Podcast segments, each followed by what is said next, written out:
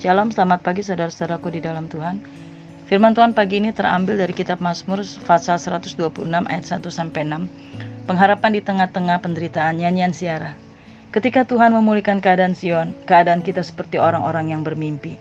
Pada waktu itu mulut kita penuh dengan tertawa dan lidah kita dengan sorak-sorai. Pada waktu itu berkatalah orang di antara bangsa-bangsa, Tuhan telah melakukan perkara besar kepada orang-orang ini. Tuhan telah melakukan per perkara besar kepada kita, maka kita bersuka cita. Pulihkanlah keadaan kami ya Tuhan, seperti memulihkan batang air kering di tanah Negeb. Orang-orang yang menabur dengan mencucurkan air mata akan menuai dengan bersorak-sorai.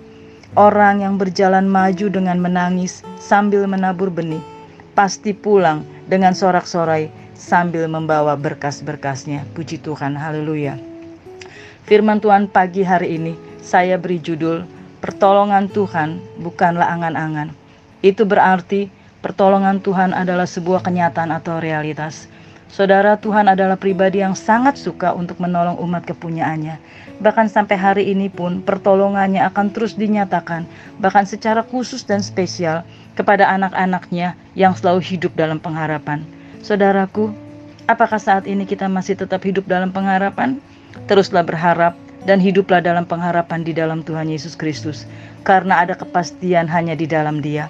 Orang-orang yang hidup dalam pengharapan akan terlihat jelas dari caranya meresponi segala hal yang sedang ia hadapi.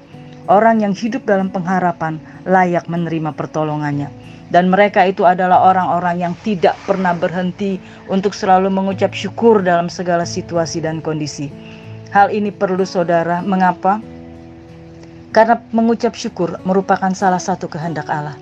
Allah bertata di atas setiap pujian dan ucapan syukur umatnya. Bahkan ada kuasa Tuhan di atas setiap pujian dan ucapan syukur umatnya.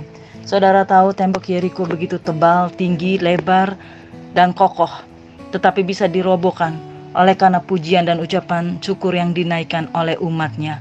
Bagaimana Rasul Paulus dan Silas yang terpasung, rantainya bisa dilepaskan pada waktu umat Allah atau pada waktu hamba-hamba Tuhan ini, pada waktu tengah malam mereka menaikkan doa dan ucapan syukur, bukan karena pertolongan manusia yang melepaskan mereka, tetapi pujian mereka yang keluar dari dalam hati yang tulus, naik ke surga dan menyentuh hati Allah, sehingga Allah sendiri turun tangan dan menyatakan kuasanya, sehingga mereka terlepas dari semua ikatan.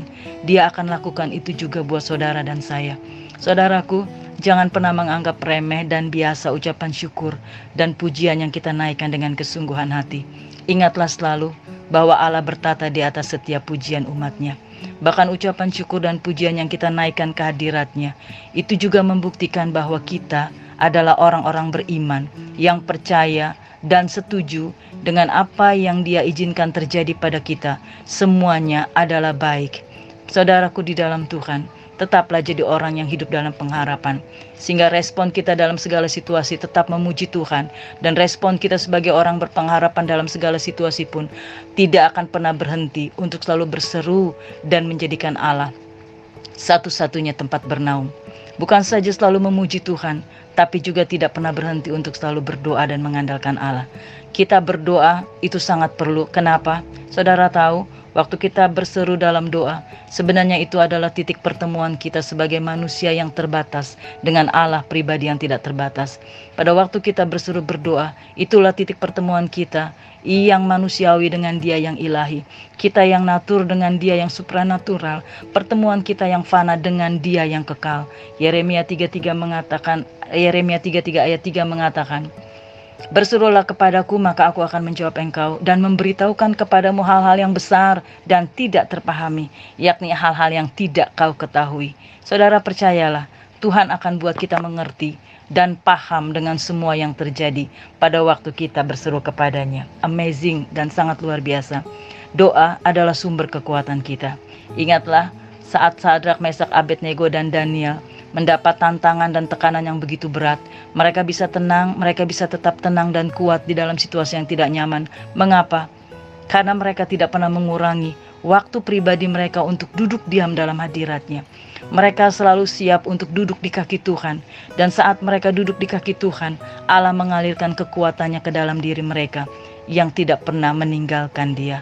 Saudaraku, duduklah di kakinya, diamlah dalam hadiratnya. Maka dia sendiri akan memampukan saudara dan saya untuk berdiri, untuk berjalan, bahkan untuk berlari. Orang-orang yang menanti-nantikan Tuhan akan mendapat kekuatan baru dan orang yang selalu hidup dalam pengharapan layak menerima pertolongannya. Bukan saja tidak pernah berhenti memuji Tuhan, bukan saja tidak pernah berhenti mengucap syukur, dan bukan saja tidak berhenti untuk selalu berseru dan berdoa, mereka juga tidak pernah berhenti untuk menabur. Teruslah menabur apa yang Allah mau, taburlah apa yang baik dan benar, taburlah apa yang berkenan di hatinya.